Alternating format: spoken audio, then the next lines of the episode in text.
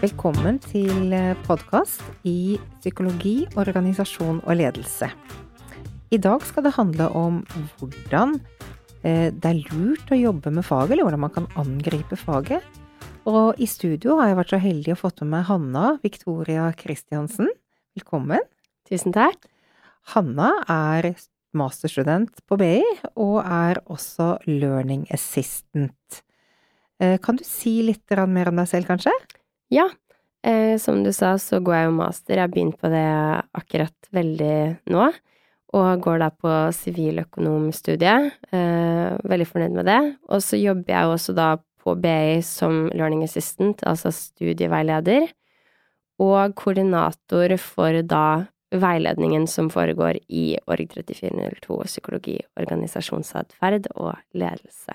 Ja, og jeg har jo vært så heldig å ha deg og flere andre inne i dagklassene, hvor dere har gjort en kjempegod jobb med å mm.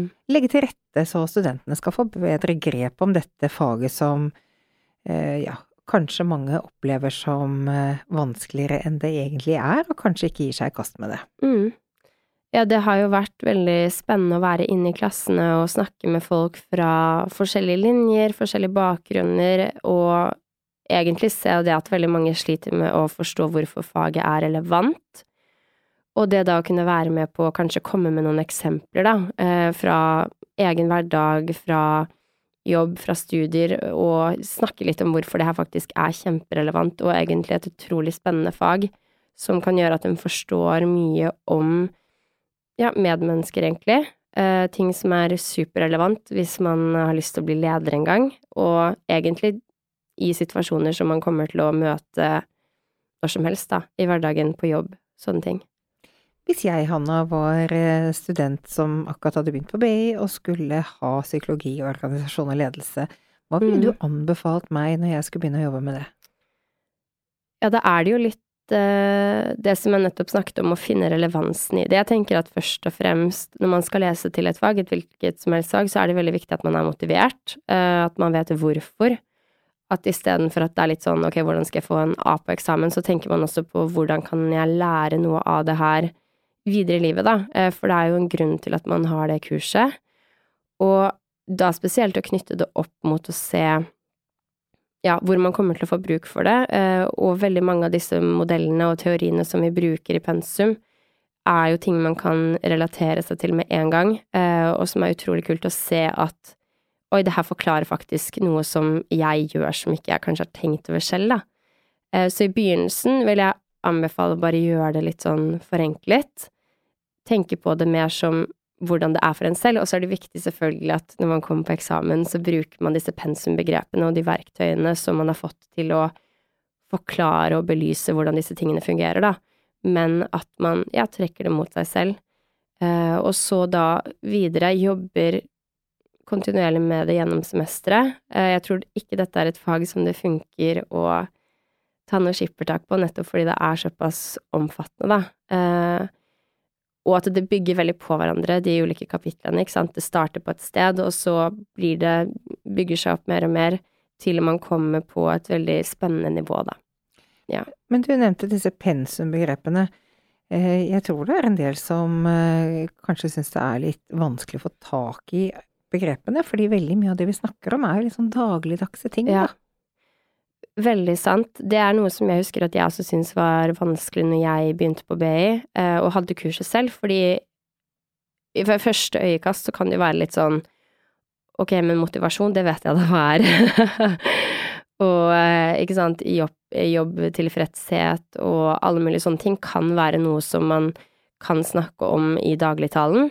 Men poenget med det kurset her er jo det å gi deg de begrepene som kanskje kan sette mer ord på hva som egentlig foregår, da, og gå litt sånn eh, mer i dybden på for eksempel motivasjon, eh, dekomponere det begrepet litt, se hva er det det består av, så man ikke lenger snakker om at ja, nå er jeg motivert eller ikke motivert, men man ser på ok, hvilke faktorer er det som gjør at jeg er det, og hvorfor, og hva er det den motivasjonen består av.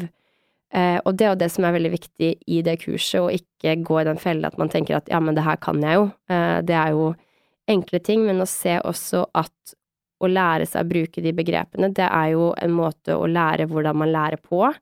Eh, og det er veldig mange akademiske begreper som man kommer til å kjenne igjen i egentlig alle de andre kursene man har på BI også, eh, så det er et veldig bra utgangspunkt der. Ja, og egentlig bare et verktøy for å forstå de tingene bedre, da.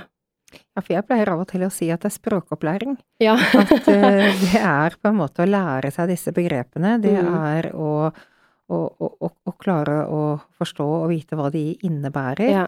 Uh, og at det er ganske viktig også ja. for å gjøre det bra i faget, at du faktisk viser at du mm. vet hva disse begrepene betyr for noe. Ja, og jeg tror det at uh, å sitte og pugge en definisjon i øyeblikket kanskje virker litt snevert, da. Um, og man, man, kan jo, man, kan jo, snakke om disse begrepene uten å bruke nødvendigvis det ordet som kommer i pensumlitteraturen, men så er jo det som jeg opplevde selv, er at fordi at jeg kanskje lærte meg de der og da til eksamen og gjennom det semesteret, så kunne jeg forstå andre ting da som bare ble sagt i ulike møter eller situasjoner, eh, seminarer hvor jeg ellers ville vært litt sånn utenforstående, at jeg fikk et større vokabular og fikk mer innsikt sånn sett, da, i ting som omtales, ja. Og det er jo veldig spennende det du sier, for mm. da er det jo litt det at det er et slags språk inn, eh, ja. eh, inn i en annen, litt annen verden, ja. eller noe sånt, som, mm. som, ligger til grunn her som. Og det er kjempeinteressant at du sier at det gjorde deg mer i stand til å forstå mm. andre situasjoner, og også andre fag da, senere. Definitivt. Det er litt sånn, det blir jo en rar sammenligning, men jeg husker første semester når jeg hadde makroøkonomi, eh, så etter at jeg hadde det kurset, så kunne jeg liksom lese Finansavisen og tenke sånn oi, nå forstår jeg egentlig hva det her betyr, og på samme måte at etter at du har hatt det kurset, da, så kan du lese ting du kanskje har lest før, men du har ikke nødvendigvis skjønt akkurat hva de har snakket om, og så åpner det dører på mange måter, da, fordi ja, man forstår mer. Det syns jeg egentlig var veldig bra sagt, fordi eh, hvis jeg nå hadde skutt begynne på dette kurset, så tror jeg hadde vært veldig interessert i å mm. kunne få en bedre forståelse for en del ting. Så det tenker jeg, det, det var en god eh, et godt tips, da. Til at det er viktig ikke bare for selve eksamen, men også for ja. andre ting som kommer etterpå. Mm. Men uh, du sa nå at man skal gjøre det relevant. Hvis man ikke har så mye relevant erfaring, da, hvis man kommer rett fra skolen, tror du mm. man klarer å knytte det til f.eks. for eksempel elevråd eller idretts... Ja. Uh, altså idrettsaktiviteter eller andre ting også? Kan man bruke den erfaringen hvis man ikke har noen arbeidserfaring?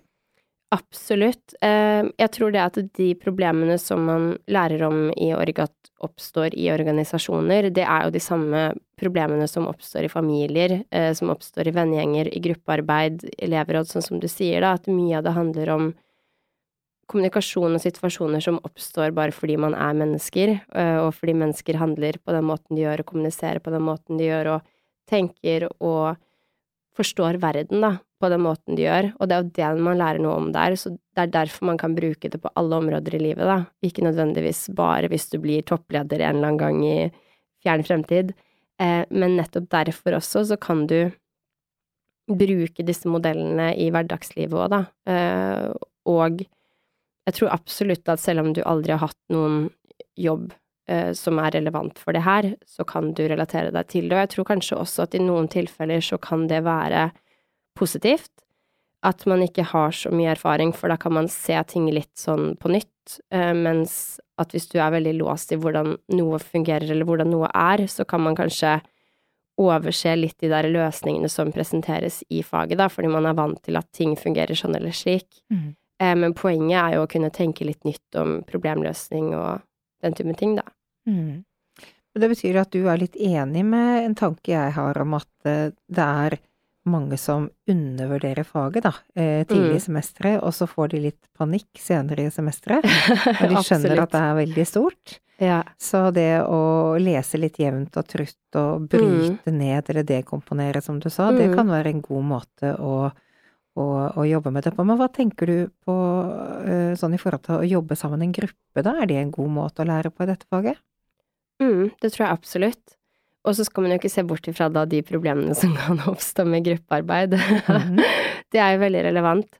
Men jeg tenker det at å diskutere med noen er alltid en fordel, og det er alltid en fordel å ha noe man skal møte, noe man skal planlegge et eller annet med, sånn at man ikke nødvendigvis har alt ansvaret for læringen selv.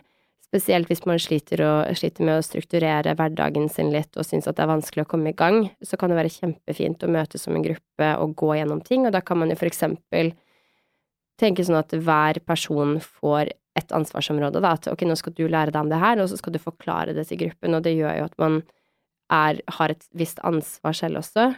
Eh, og så tror jeg absolutt at det er viktig samtidig å følge med på at man faktisk forstår ting selv, og at man eh, havner i en god gruppe som har de samme, samme, ambisjonene som en selv, og som Ja, ikke at man surrer tiden bort, da, men at det kan være et kjempeverktøy hvis det er en god gruppe som arbeider bra.